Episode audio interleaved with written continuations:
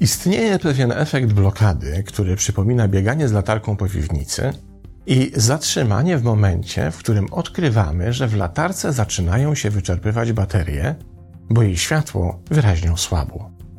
I w tym momencie się zatrzymujemy, oglądamy latarkę z wszystkich stron, a w głowie pojawia się żal, połączony z irytacją, w której sami zaczynamy sobie zarzucać, że niepotrzebnie do tej pory w tejże piwnicy sprawdzaliśmy wszystkie nieoświetlone miejsca, bo sumarycznie nie dało nam to wiele, poza tym, że zmarnotrawiliśmy znaczną część energii baterii w latarce. Ten moment jest dość szczególny, bo kiedy tak utyskujemy na nasze ledwo co poczynione marnotrawstwo, stoimy w miejscu, zamiast iść szybko do przodu, póki nasza latarka wciąż jeszcze działa, bo żal za utraconą energetyczną inwestycją dominuje kurczące się z każdą sekundą możliwości skorzystania z pozostałej energii. A mówiąc inaczej, moment żalu za nieodwracalną utratą inwestycji wyłącznie powiększa utracone już koszty. Pokażmy to na przykładzie. Oto Judyta, która przez całe swoje dotychczasowe życie opiekowała się chorującymi rodzicami, poświęcając im w maksymalnym wymiarze czas i energię, co było słuszną i jedyną drogą, nie budzącą cienia wątpliwości. Jednak teraz rodzice odeszli. Judyta ma pięćdziesiątkę i myśli o swoim życiu wyłącznie w kategoriach zmarnowanego potencjału. Uznaje, że została ciężko doświadczona przez okrutny los, który sprawił, że nie była w stanie jak dotąd ułożyć sobie własnego życia, zbudować jakiejkolwiek trwałej relacji, czy nawet zrobić czegokolwiek dla siebie. Najlepsze lata spędziłam odwrócona od siebie, mówi Judyta. Teraz już nic mnie dobrego nie spotka. Inny przykład. Oto Wojtek, który swoje poprzednie nieudane relacje postrzega jedynie w kategoriach klęski. Każdą z nich rozpoczynał pełny nadziei, wiary w powodzenie i energii zdolnej do przenoszenia gór. Im jednak bardziej w las, tym więcej drzew. Więc im dłużej trwały jego domniemanie szczęśliwe związki, tym bardziej się okazywało, jak wielce odbiegają od jego oczekiwań i nadziei. Proza życia konsekwentnie przegrywała z instagramową poezją, a piękno duszy widziane z perspektywy obiektywu wypasionej kamery i Photoshopa już nie było takie fascynujące z perspektywy kłótni o rachunek za gaz. Teraz Wojtek po stracie emocjonalnej oraz materialnej inwestycji uznaje się za puszczonego z torbami. Tyle, że torby obecnie wypełnia wyłącznie żal i złość na samego siebie za zmarnowanie nadziei. Obecnie Wojtek nie zamierza się już z nikim wiązać i jedynie odcina kupony od smutku, zrywając kartki ze ściennego kalendarza, a lata lecą, a wraz z nimi potencjalnej energii zaczyna być coraz to mniej.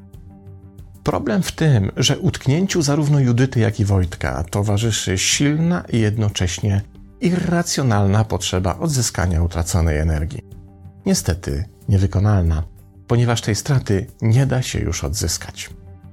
Ten psychologiczny efekt znany jest w ekonomii i towarzyszy tam zjawisku nazywanemu kosztami utopionymi. To koszty ponoszone na przykład przy wprowadzaniu konkretnego przedsięwzięcia na rynek, którego zyskowność na wczesnym etapie nie jest jeszcze znana. Mogą to być koszty brandingu, szkoleń nowo zatrudnionej załogi, czy koszty związane ze zdobyciem potrzebnych pozwoleń czy koncesji. Koszty, które trzeba ponieść niezależnie od tego, czy przedsięwzięcie okaże się sukcesem. Kiedy pojawia się sukces, to kolejne zyski pozwalają inwestorowi jakoś te utopione koszty przełknąć. Może on na przykład przeznaczyć część bieżących zysków na ich odzyskanie, zakładając początkową, mniejszą rentowność swojej firmy. Jednak główny problem, i dodajmy o podłożu psychologicznym, pojawia się w sytuacji, w której dane przedsięwzięcie okazuje się nierentowne i najlepszą decyzją jest decyzja o jego zamknięciu. Tu jednak pojawia się żal kosztów utopionych formułowany w idei. Skoro już tyle zainwestowałem, to muszę to jakoś uratować. Na bazie którego dany przedsiębiorca sztucznie przedłuża nierentowną egzystencję firmy i wykonuje coraz bardziej irracjonalne działania mające doprowadzić do odzyskania kosztów utopionych. Sęk w tym, że tych kosztów nie da się już odzyskać. A działania ogarniętego żalem przedsiębiorcy tak naprawdę powodują wyłącznie kolejne straty, więc całość przedsięwzięcia sumarycznie zamyka się dużo gorszym wynikiem finansowym niż miałoby to miejsce w sytuacji, w której decyzja o zakończeniu działalności nastąpiłaby wcześniej. Przykład takiej praktyki umieściłem w wykładzie 64 w kontekście domniemanych wyników eksperymentu z żabą, znajdującą się w garnku z podgrzewaną wodą, która miała w powolnym procesie przyzwyczajania się do wzrastającej temperatury finalnie się ugotować.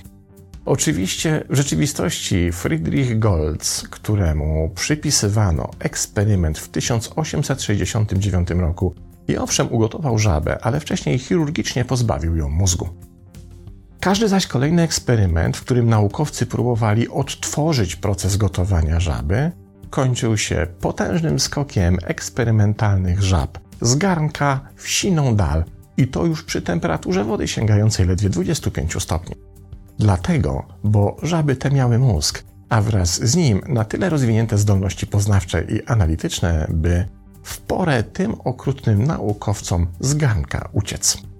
My jednak w sytuacjach żalu za kosztami utopionymi niestety zachowujemy się często jak ta nieszczęsna pierwotna żaba z eksperymentu Golca.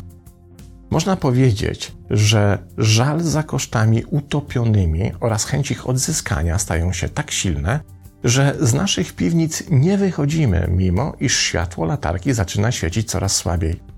I dotyczy to każdego obszaru naszego życia. Ekonomii również, bo wymienia się tam efekt irracjonalnego, dalszego angażowania się w nierentowne przedsięwzięcie, co finalnie przysparza inwestorowi o wiele większych kłopotów od tych, które wynikają z samej inwestycyjnej pomyłki. Tyle, że główną przyczyną kolejnych kosztów staje się już sam przedsiębiorca.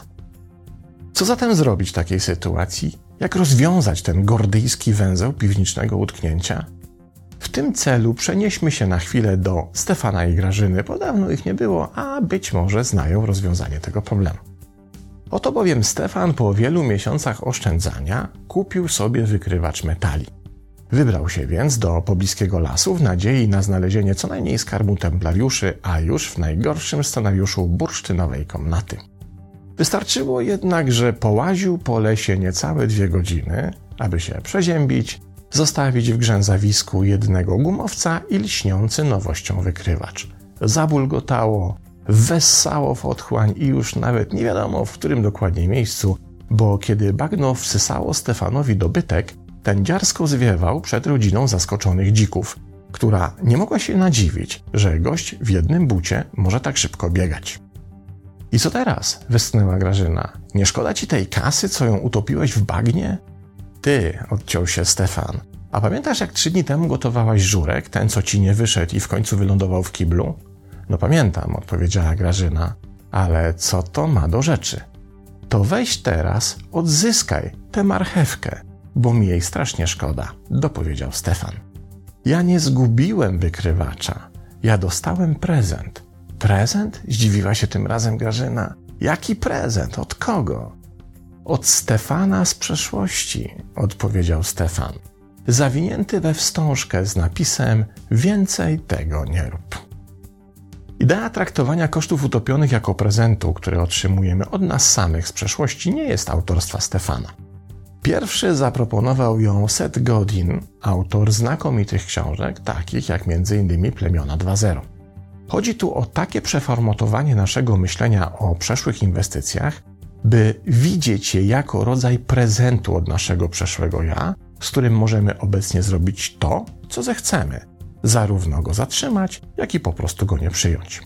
Znakomitą według mnie metaforą tego podejścia jest metafora zaproponowana przez dr Jen Zamzow, adiunkta na Wydziale Etyki Uniwersytetu Concordia w Kalifornii.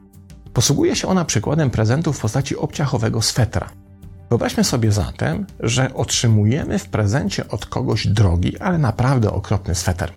Jeśli jest to osoba, która jest dla nas ważna i której nie chcemy w żaden sposób urazić, to będziemy jakoś próbować wybrnąć z tej sytuacji. Na przykład prześlemy jej zdjęcie, jak śmigamy w tym swetrze po domu, ale generalnie włożymy go na dno szafy i raczej będziemy unikać. Bo przecież trochę tak niezręcznie szurnąć sweter do śmieci i zrobić tym samym drogiej nam osobie przykrość. Co jednak, kiedy ten sam drogi i jednocześnie obciachowy sweter otrzymalibyśmy od samych siebie, pochodzących z przeszłości? Będziemy go trzymać w szafie i czasem przywdziewać, byśmy się tylko nie obrazili na samych siebie? Trochę to słabe, prawda? Raczej weźmiemy ten sweter do ręki i zamaszystym ruchem umieścimy w koszu z okrzykiem nigdy więcej i dziękuję za przypomnienie.